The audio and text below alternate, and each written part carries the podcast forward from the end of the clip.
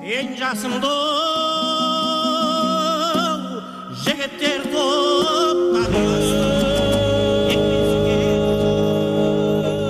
арқалы таудың шыңындай алқалы топтың туындай болған жыршы жыраулар жайлы білгіңіз келсе қошан мұстафаұлының інжу маржан хабарын тыңдаңыздар.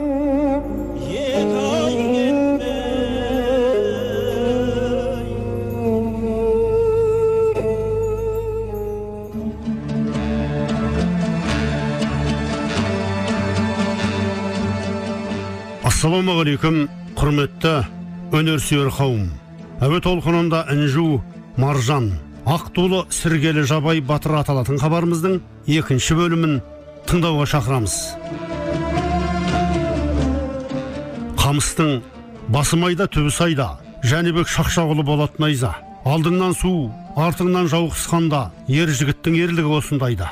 Бөкейді айт сағырменен дулаттағы дерпісәлі маңдайды айт қыпшақтағы. Өзге батыр қайтса да бір қайтпайтын сарыменен баяндайт уақтағы ағашта биікті айтсаң қарағайды айт. Жігіттік. Ерлікті айтсаң бөгенбайды айт найзасының ұшына жау мінгізген еменәлі керейде ер жабайды айт деп толғайды. Тәті қара жырауыңыз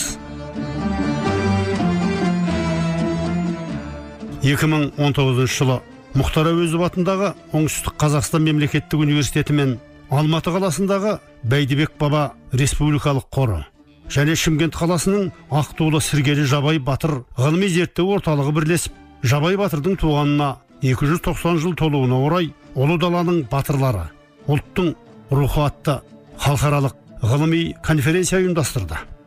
Оған республикамыздың түкпір түкпірінен және көршілес республикалардан ғалымдар қатысты. Ғылыми конференцияға келген қонақтарды түркістан облысының әкімі шөкеев өмірзақ естайұлының құттықтауымен облыстық мәдениет және тілдерді дамыту басқармасының басшысы нұрдәулет исабек еркінұлы таныстырды. Құрметті қонақтар мен конференция қатысушылар қазақ халқының ел болып қалыптасу шежіресінде қол бастаған көсемдер мен сөз бастаған шешендер ел бірлігі мен тәуелсіздігі жолындағы еңбектері мен тарихи беттерінде алтын әріптермен жазылды. Солардың бірі әрі бірегейі туғанына 290 жыл толған аса көрнекті тарихи тұлға жабай қазбекұлы. Елі жер үшін талай талай жауаптарға қатысып үлкен қолбасшы нағыз ту ұстаушы сардар екендігін танытқан жабай батыр елдің есінде ақ тулы сіргелі жабай батыр деген атпен есімі қалған. Абылай ханнан ақ туды алған жабай баба жасы ұлғайғанда даналығымен де елді тәнті еткен.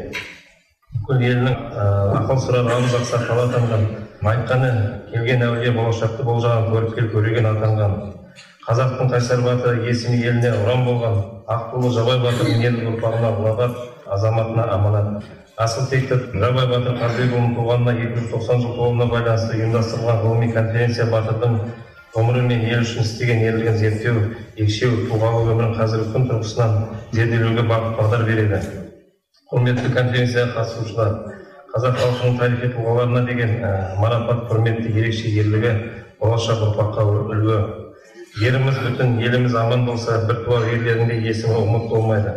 Халықтың мұндай мәртебеге лайық перзенті жабай батыр екенін тарихтың да өзі дәлелдеп отыр.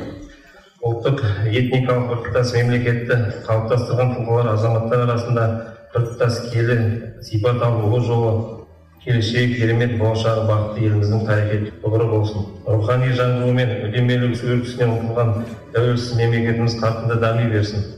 Атақты қазақ батыры қолбасшысы жабай батыр қазбекұлының екі жүз тоқсан жылдығына арналған халықаралық ғылыми конференция қатысушыларға осынау игі іске сәттіліктер тілеймін. Ізгі тілекпен түркістан облысының әкімі өмірзақ естайұлы шүкеев.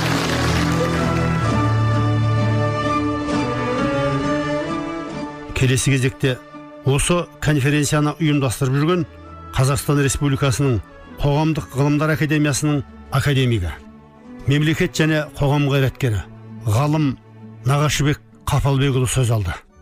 Құрметті бауырлар біз бүгін қазақ тарихында өзіндік орны бар батыр қолбасшы әулие абыз бұл дүниеден өткеннен кейін де әлі көшен ұрпақтары басына тәует ететін қасиет киесі бар. Ақ толы сіргелі жабай батырдың 290 жылдығына жиналып отырмыз. Бұл жөнінде жиырмадан астам газетте бірнеше телехабарлар кітап шығарылды басқа да үлкен үлкен шаралар ұйымдастырылды. Оның барлығы қолдарыңызда.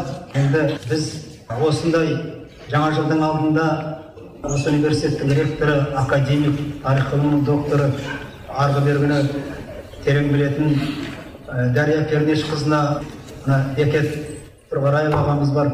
Ә, осы ұрпақтары арнайы келіп осындай өткізейік конференцияны деген кезде ол кісі көпті көргенін терең білетінін бүгінгі мына елбасымыздың ә, ұлы даланың жеті қырына сәйкес әлі де беймәлім болып кеткен осындай асыл тұлғаны халыққа таныту бүгінгі күні өзекті мәселе екенін айтып бірден келісім берген еді сондықтан да мұхтар әуезов атындағы оңтүстік қазақстан мемлекеттік университетіне оның ректоры дария пернешқызына университет ғалымдарына оқытушыларына студенттеріне баршасына табыс тілеп мың да бір рахмет айтамыз.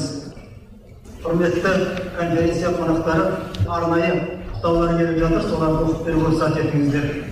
Ұлтымыздың арда ұлы елге қорған болған атақты сіргел жабай батырдың туғанына 290 жыл толу құрметіне арнайы халықаралық ғылыми конференция ұйымдастырғаны игі бастама деп білемін. Бүгінде мемлекетіміздің қолдауы ғалымдар мен белсенді азаматтардың еселі еңбегінің арқасында төл тарихымыз қайта түгенделіп өткен заманның ақтаңдақ тұстары күнгейге шығарылуда. Ғалым тарихшылар мен мүдделі мекемелердің басын қосқан ұлы даланың батырлары сіргелі жабай батыр ұлттың рухы атты ғылыми конференцияда тарихымызды құнды деректермен толықтырып тағылымды баяндамалармен ерекшеленеді деп сенемін. Осы шараны ұйымдастыруда атсалысқан мұхтар әуезов атындағы оңтүстік қазақстан мемлекеттік университеті мен бәйдібек баба қорына баршаңызға ризашылығымды білдіремін. Құрметпен нұр сұлтан қаласының әкімі бақыт сұлтанов. Ұлы даланың тұлғасы жабай батырдың туғанына 290 жыл толуына орай бәйдібек баба республикалық қорымен бірлесіп халықаралық конференция ұйымдастырғандарыңыз үшін шын жүректен алғыс айтуға рұқсат етіңіздер. Қазақ тарихындағы батырлардың рөлі ерекше. Осы орайда елі мен жерін қорғауда батырлығымен үлкен қолбасшылығымен атақты абыз болып ел есінде мәңгі қалған жабай батырдың істеген ерлігі ұрпақтарымызға үлгі өнеге. Ұйымдастырылып отырған салмақты іс шараларыңыз болашақта да жалғасын тауып жастарды отансүйгіштік бағытта дұрыс тәрбиелеуге шақырады деп ойлаймын. Баршаңызға табыс тілеймін. Құрметпен олжас сүлеймен қазақстанның еңбек ері жазушы. Халықаралық мәдениеттерді жақындастыру орталығының директоры. Құрметті ұлы дала батырлары ақтоғыз сергел жабай батыр атты халықаралық конференциясына қатысушылар. Халқы үшін жанын шүпірекке түйген күндіз күлкісінен түнде ұйқысынан айырылып ат үстінен түспей шан сайқастарда орасан ерлік көрсетіп батыр атанған сарбаздарға қолбасшы болып сардар атанған абылай ханнан ақ туды алған атақты қолбасшы сергелі жабай батыр тарихи ірі тұлға ерін құрметтеген елі бақытты. Мен космосқа үш мәрте ұшып қазақ атын шығарған перзентіңіздің бірімін. Ашық космоста корабльді жөндедім. Аллаға құрмет елдің салты демекші тұңғыш рет космосқа қасиетті құран кітапты алып ұштым. Әлемнің қаншама елін аралап көрдім. Бірақ қазақ еліндей дархан қазақ жеріндей ғажап жер жоқ. Бұл сіргел жабай батыр секілді бабаларымыздың ерлігі мен ата бабаларымыздың даналығының арқасында бізге қалдырған асыл мұрасы. Тәуелсіз елімізде баршаңызға береке бірлік бақыт тілеймін. Құрметпен талғат мұсабаев космонавт ұшқыш қазақстан республикасының халық қаһарманы ресей федерациясының халық батыры авиация генерал лейтенанты техника ғылымдарының докторы. Бүкіл алматы шаһарындағы оқымыстылар тарихшылар зиялы қауым өкілдерінің сіздерге сәлем айтып конференция жұмысына табыс тілеймін. Бір бірімізді әрқашан биіктеу керек көп рахмет.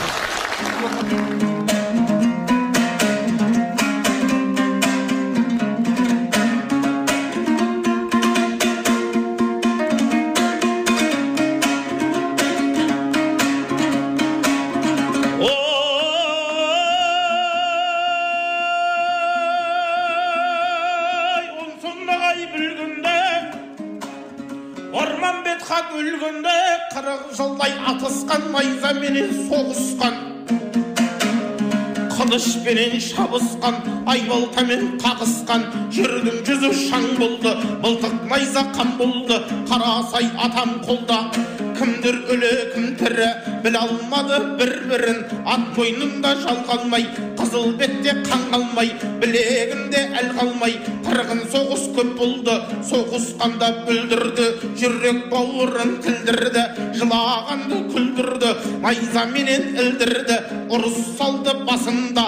Үлкендердің қасында көздің жасы тыйылмай айбалта қылыш жиылмай. Аспан жерге түскендей топырақ қанға піскендей. Жан алқымнан қысқандай ат бауырынан қан ағып тұяғымнан тиген тас. Аспанға шоқ болып ұшқандай тоғайдың шыққан жабайы. Бес мың кісі қамайды жабай алды найзады істеді талай айланы.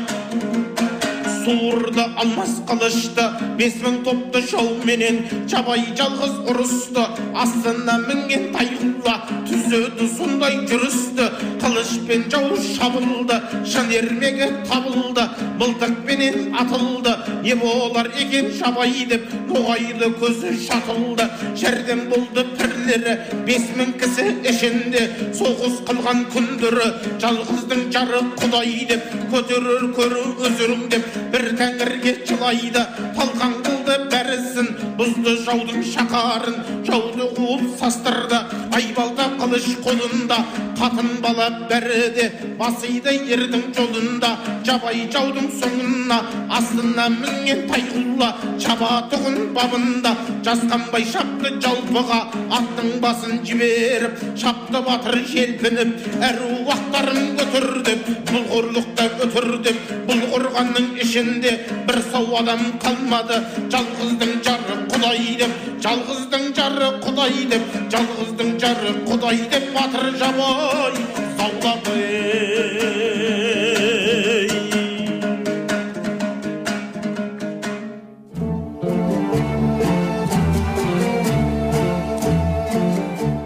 жарыс сөзді небір шешендер буынсыз қызыл тілді орамға салды алтын орданың бекілер бегі ойшыл атты тақырыпта зерттеу жасаған қожа ахмет яссауи атындағы халықаралық қазақ түрік университетінің тарих кафедрасының профессоры тарих ғылымдарының докторы мұхтар қожа былай толғанды. Менің тақырыбым осы сіргелінің ішінде ойсыл бабаға қатысты аңыз бар. Мен сол ойсыл баба кім дегенге осы сұраққа жауап іздеп енді соңына әрине жабай бабамызды айналып өте алмай оған қатысты да өзімнің кейбір ә, тапқан нәрселерін ортаға салғым келеді. Мына біздің аңыздарымыз далалық ауызша тарихнама деп аталады. Кеңестік кезеңде енді оған аса көңіл бөле қоймаған қазір сондай мүмкіншілік бар соны зерттеуге себебі жазба дерек өте аз бізде. Сондықтан біз мынау ауызша аңыз әңгімелерді тарихи тұрғыдан кетіп қалмай қуып кетпей өтірікті қоспай сондай бір әрекет етуіміз керек шындық бір тарихи осыдан ақпар алуды. Бұл аңызды белгілі фольклортанушы ғалым ақселеу сейдімбек отыз ұлды ойсыл немесе сіргел ұрпақтары деп өзінің кітабында осы аңызды мен іздеп көрдім. Қашан алғаш рет осы жарияланған кім жазып алды екен десем бұл жаңағы біздің атақты этнограф ғалым халел ағымбаев профессорымыз сол кісі жазып алған жариялаған. Кейін осы біздің жабай бабаның бір ә, ұрпағы болып табылатын бүрлібаев мен қателеспесем ол кісі совет заманында соны білім және еңбек журналында жас алашта сіргелердің аңызын жазған. Мына кітапта берілген ол кісі айтады біздің белгілі ғалым арғынбаев елу сегізінші жылы шымкентте алғабас ауданы майбұлақ кеңшарында жетпіс жастағы тұрғыннан жазып алған екен жаңа аңызды қазір көбейіп кетті қазір бұл аңызды қос аңыз аламыз деген сияқты. Қанша деген ертерек жазып алынған ғой. Мүмкін бұдан да ертерек табылар осы аңызда ойсыл бабаларын қырғынға ұшыратқан хан кім деген сұраққа зерттеушілердің бір бөлігі мынау қазақтың ә, хандығын негізін қалаған жәнібектен көріп келдік біраз уақытқа дейін осылай жазылды айтылды. Алайда бұл пікірге қайшы келетін нәрселер бар. Біріншіден жәнібектің төл аты әбу саид жәнібек деген оның лақап аты қадырғали жайыр оны кіші жәнібек деп атайды. Екіншіден ол кісінің бір біреуге зәбір көрсеткені басқа туралы ешқандай ақпар бізде жоқ. Сондықтан бір талдағанда біз шатасамыз жаңа фамилиясы ұқсас келіп тұр ма аты келіп тұр ма соны бір адамды аламыз да осындай жаға жібере саламыз. Алтын орда кезінде бір жәнібек деген бар екен. Ә, және мына аңыздың ізімен жүргенде кейде мынау сіргел деген ру ноғайда бар өзбекте бар. Бұл қазақтың ішінде ұлы жүзде бар және орта жүзде уақ деген соның ішінде бар. Түркі халықтарының ішінде белгілі сіргел деген осылардан кең тараған. Сондықтан мына ноғайлардың ішінде әсіресе мені қызықтырды. Осы жаңағы аңызға сәйкес осыларда бар ма екен дегенде осыған қарасақ айсылдың ұлы туралы әмет туралы осыда аңыз бар екен. Онда осы мына алпыс алтыншы жылы кітапты көріп тұрсыздар жаңағы алпыс тоғызыншы жылы мәскеуде шыққан ноғайдың халық нелерінде онда бірден айтыпты жәнібек хан алтын ордада отырғанда бұл жерде жәнібек хан деп бізге бір бағыт бергендей болды өйстіп салыстырғанда. Мына жерде көріп тұрсыздар міне бұның ең алғашқы бір күлен разылов мынау әмет деп басталады да жәнібек хан дейді де осы жерде ойсыл туралы да айтып кетеді. Мына салыстырмалы ретінде мына жақта беріп отырмын. Жәнібек ханның замандасы бақуатты бақтиярдың ұлы ойсыл туралы. Және бұл жерде жәнібек ханның бір батыры туралы айтылады. Ойсыл батыры биі деп аталады сол кездегі осы ноғай жырларында. Енді бұл жерде біз неге назар аудардық? Мына жәнібек деген сол жәнібек пе басқа ма деген күмән сұрақ туындайды. Соны жеткізу үшін жаңағы жырдың ішінен тауып алдық. Жәнібек ханның ұлы бердібек деген хабары бар. Шынымен алтын орданың ханының жазба деректері бойынша бердібек деген ұлы болған екен. Яғни бұл жерде біз кейін қазақтың жәнібек туралы емес ертедегі алтын ордадағы жәнібек туралы әңгіме болып отыр осы жерде соның заманына бізді апарып отыр және ол жәнібек біраз адамдарды өлтіріп тіпті біреу бір ақылшысы болады оның өзің туған балаң өзіңе ертең сенің хандығыңа таласа соны өлтір дейді таққа келеді де өзінің балаларын өлтіреді ғой. Міне сондай жауыз адамдар болған былайша айтқанда. Бұлар батыйдан тарайды батыйдан келе жатқан ұрпақтар басқаратын еді ғой. Сол тоқтайды да жошының басқа балаларының соған көшеді сондықтан бұл жерде біз қазақ хан жәнібекке қатысты өзімізде қойып жүрген айыптауларды басқаларды алып тастауымыз керек те алтын орда дәуіріне кетуіміз керек. Сол дәуірді қарастыруымыз керек деп санаймын. Міне мына жерде арнайы келтіріп отырмын. Жаңағы айсылдың ұлы әмет дегенге қатысты бұрынғы заманда дейді айсыл батыр болған ол өзі жәнібек ханның сарай батырлары саналған дейді. Осындай деректер келтір мына ноғай жыры бойынша. Бұл жерде де қарап тұрсаңыздар осы ханның қызы деген мәселесі пайда болады. Ойсылдың баласы әмет деген болады. Ол ханды бірнеше мәрте құтқарады көмектеседі сонда хан оған қызын беремін деп уәде береді. Бұл жерде сарыбек те жаңағы қыздың аты бұл жерде келтіріледі. Сөйтеді де айниды әметке бермеймін деп шығады. Әмет бірақ ұрлап әкетеді сонымен мына екеуінде өте ұқсас осы жыр мен біздің сіргелердің арасында тараған жаңағы аңыздың арасында байланыс бар мына жерде көріңіздер хан ашуланып ойсылданып барша ұлдарымен келгенін қонаққа шақырып тастады деген бар. Ана жерде қарасаңыз хан әметті өлтіруді ажалын ерте кеш ойлайды. Осындай бір шиеленістен жағдайдың бәрі осы ноғай жырында жасалады. Сонымен ноғай жырында қазақтың отыз ұлды ойсыл немесе сіргел ұрпақтар атты аңыз бен сарында сюжет он жетінші ғасыр аяғына жатқызылған дафтар и чингизнаме атты татар қолжазбасында айсылұлы амат туралы тарауда кездеседі. Мен осы жерде усманов деген атақты тарихшы бар татарстанда зерттеуші соның несін айтып отырмын.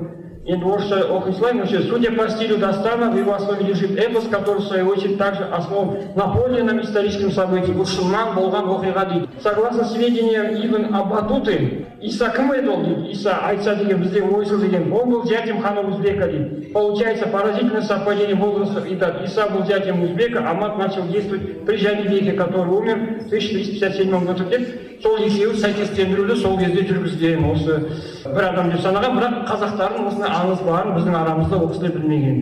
Бұл ойды мен өзімше басқа бір жолдармен келдім. Жәнібек деген сол өзбек ханның ұлы осындай алтын ордаға байланысты зікіре жандарбектен кейін ол бұрыннан білетін тауып алған бірақ ол басқа жолдармен жобасын айтқан. Сонымен қатар сабитов деген зерттеуші бар астанада. Солдан жазып қойыпты. Можно предположить тождество таких персон как ойсун үйсун внук майхабия уйсуна иса уйсун деген осылардың бәрі бір адам дегенді келтіреді. Үш түрлі түркі елдерінің жағында сақталған мәліметтер бойынша айсыл айса ойсыл тегі де бір. Түрлі орта ғасыр жазбаларға түскен зерттеулерде өзбек ханның күйеу баласы болып табылатын исаның руы үйсін деп көрсетілген. Қазір мына көріп отырсақ алтын ордада қазанда шыққан он алтыншы жылғы кітапта золотая орда мировой истории деген зерттеуінде иса өзбек ханның сенімді адамы екені беклербек бас министр болғаны қызметін атқарған оған хан өз қызын бергенін осыдан ол иса көген аталғаны оның руы үйсін екені көрсетіледі. Ноғайлар қанша ғасыр өтсе де айсұл бидің тегін ұмытпаған екен бұған аяқ ретінде он тоғызыншы ғасырда бір дерегі бойынша көрсетілген әмет батыр сен айсұлы дейді түп атамыз деп санайтын қазақ сіргелері өзінің үйсінге жатқызатын жөнінде орыс деректері көрініс тапқан. Он сегізінші ғасырда біздің жерімізден осы түркістан облысынан өткен телятников сіргели уйсунский деп жазады. Одан кейін назаров деген өткен біздің арқылы үйсін сіргелинский болыс деп атайды осы сіргеліде тұрған жерді. Міне есімі тегі жағынан да иса айсұл би бір болып тұр. Ноғай татар деректерінде айса ойсұл бидің баласы амат болса арынбай ойсұлдың баласы өсек деп келтіреді. Жоғары келтірген сәйкестіктер он үшінші жылда алтын орда ханы өзбек бектербек қызметін бірнеше мәрте атқарған. Араб пен басқа шығыс жазбаларында иса немесе исабек деп айтылған. Ноғай жырларындағы айсұл би айса қазақ ойсұл бір адам бір тарихи тұлға деп санаймыз сол заманғы. Ноғайлар қанша ғасыр өтсе де айсұл бидің тегін ұмытпа ол яғни сіргелеп ойсұл бабасы ол кезде иса деп ибн батута атақты араб несі жазып кеткен. Менің алдымда осы біздің әріптесіміз берекет кәрібаев айтты жабай батыр осындай ауыз әдебиетінде уран ретінде айтылған деп мен профессор шмидттің осы ташкент жақтағы сіргелілер уран ретінде жабай деп шақырады соны атайды деген дерек бар. Міне көріп тұрсыздар аңыз ауыз әдебиеті мен жаңағы осы жерде жазба. Ташкентте атақты профессор болған профессор шмидт сол кісі жиырмасыншы жылдары сол ташкент осы аймақтардың бәрін кітапқа түсіріп орысша жазып кеткен яғни осы деректе уран ретінде мына урандарын берген біз іздесек тарихи деректер де көп. Мен соңында қорыта айтқым келетіні аңыз деректерді талдау тарихи дерек ретінде біз ғылыми тәсілдермен осындай жолдары бізге өте бір жолын ашып береді десем болады. Рахмет.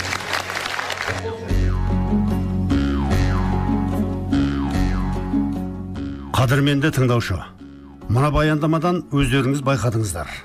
Мен дүлдүл ақын сүйінбай аронұлының жабай батыр дастанын бекерден бекер беріп отырғаным жоқ. Өйткені ол кісі осы дастанды жазар алдында сіргелілердің ноғайлы дәуірімен тығыз байланыста болған. Ол дәуірде де жабай атты батырдың ғұмыр кешкенін айқындап жазып кеткен екен.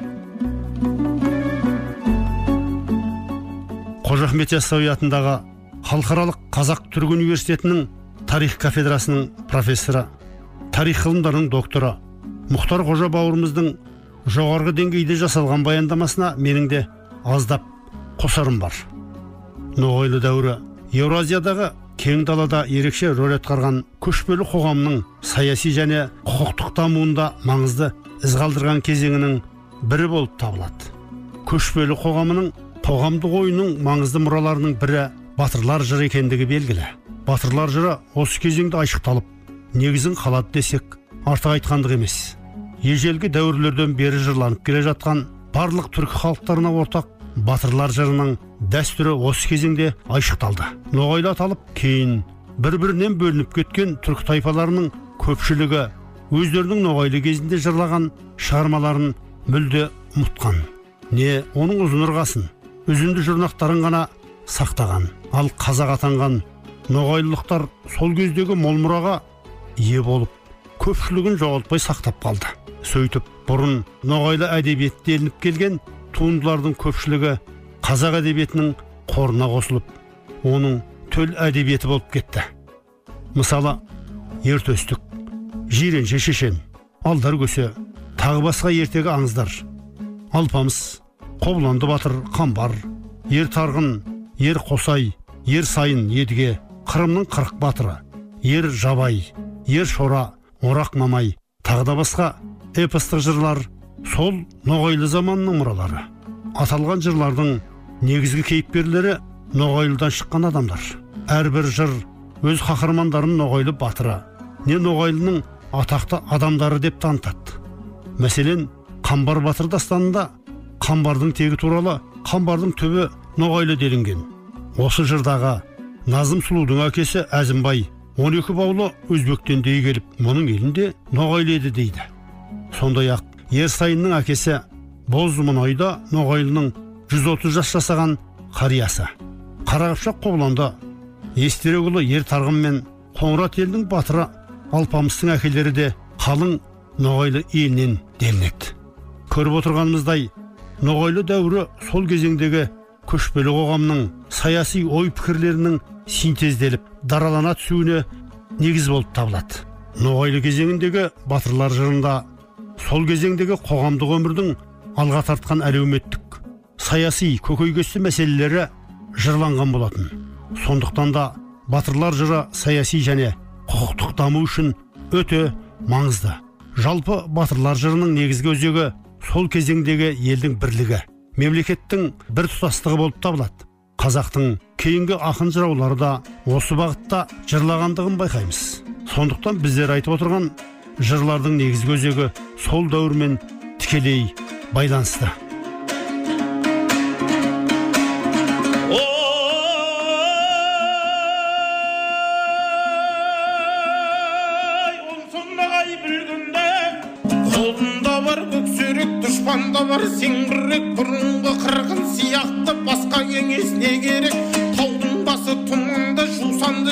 Жер шыманды не боларын білмеді ердің көңілін күмәнді соққандай етті бұрасын қызыл қанға толтырды екі көше арасын. Алдын алды дұшпанның арты қайда барасың. Ноғайдан шыққан қырық жігіт шапты дейді бір шетке.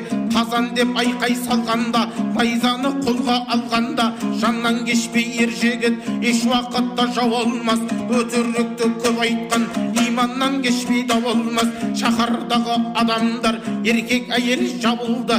Қырық жігітпен бір жабай айқайға қатты салынды. Астына мінген тайғұлла ағындап алға шабылды. Қаласын бұзып өртеді ұрандасып шуласып дұшпаны бөлек қашады. Сауырсыннан тер шығып астындағы тайғұлла арандай аузын ашады. Қояндай жоны бүгілді маңдайдан тер төгілді. Бір уақыттар болғанда суырды қыннан қылышты. Дұшпан қайта ығысты қалқан қылыш сартылдап найза шаншылды қан болып адам жаншылды шанышқан найза батады жабайдың шапқан кісісі. Аяқ серпей қатады дұшпанның атқан оқтары.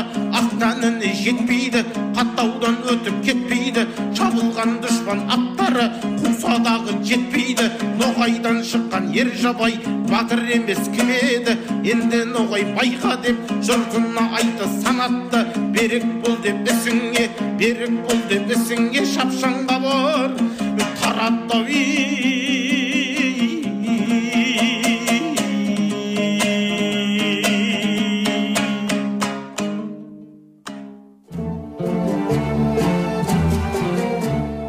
конференция жұмысы қыза түсуде. Сөзді қазақстан республикасы жаратылыстану ғылымдар академиясының халықаралық жоғарғы мектеп академиясының академигі ауыл шаруашылығы ғылымдарының докторы профессор қалдыбек сәбденұлы сәбденов алды.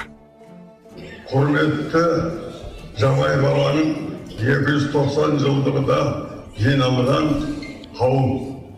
Мен жабай бабаның ұрпағы ретінде осы тарихи тұлғалардың барлығын ол қалпына келтіру жөніндегі соны істеп жүрген адамдардың барлығына рахмет айтамын қазақстанның үлкен жазушысы азаматы барлық атақтарын маған айтты мен қайталап жатпайын біздің қарасай бабамыздың шапрашты наурызбай бабамыздың райымбек бабамыздың сол сияқты саурық сұраншы батырлардың бекболаттардың барлығын жазып сызып халыққа көрсетіп содан кейін біздің сүйінбай жамбыл керен бабаларымыздың ақын жырауларымыздың барлық еңбектерін халыққа паш етіп жүрген үлкен азаматтың бірі менің бабам жабай тоқсаба әулиеге қолбасшыға да назарын аударып соңғы екі жылда осыны терең зерттеп бала кезінен азамат болғанға дейінгі оның өмірдің барлығын әбден жақсы жүйелі жөнінде жазып соған үлкен жаршысы болған азамат сондықтан мен оған рахмет айтып келешекте де қазақтың ұмытылып кеткен азаматтардың барлығын жариялап әкеліп шығарып өзің және сенің дос жолдастарың әріптестерің барлығы осындай жолдан таймаңдар жақсылықты жасай беріңдер деймін. Мен үлкен рахмет айтамын мен де көп жылдары ректор болып 30 жылдай ғылыми кеңестің төрағасы болып докторлық профессорлық атақты берген азаматтың бірімін мұның барлығын жақсы түсінемін. Менің жабай бабамның қазір жүйелі шыққан кітаптары келешекте магистрлық докторлық диссертациялардың көтеретін жүгі сол жерлерде талай адамдарға атақ панан жақсылық әперетін нәрсе сондықтан университеттің азаматтары оның ғалымдары осы қазіргі нағашыбектің қолынан шыққан кітапты оқып отырып талай магистранттарға тема беріп талай докторларға тема беріп осының барлығы ғылым жүйесінде де жүретін өмірі өлмейтін жабай бабамның әруағы қолдай беретін жағдай болады деп есептеймін. Барлығыңызға осы келген қадамдарыңызға гүл бітсін жақсылық ниет тілектерің бары орындалсын. Барлығыңа да мен үлкен рахмет айтамын.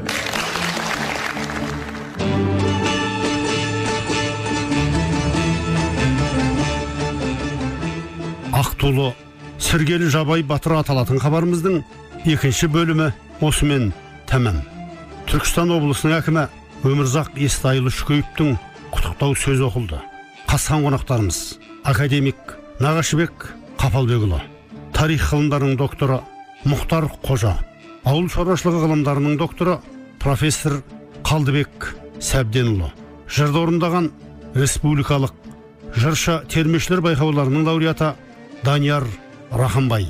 Хабардың авторы әрі айтаманы журналист қойшығұл мұстафаұлы. Әуенмен әрлеген қайсар тұрмағанбетұлы жалғасын алдағы хабарда тыңдай аласыздар. Әуе толқынында келесі тілдескенше бас аман бауыр бүтін болсын ағайын.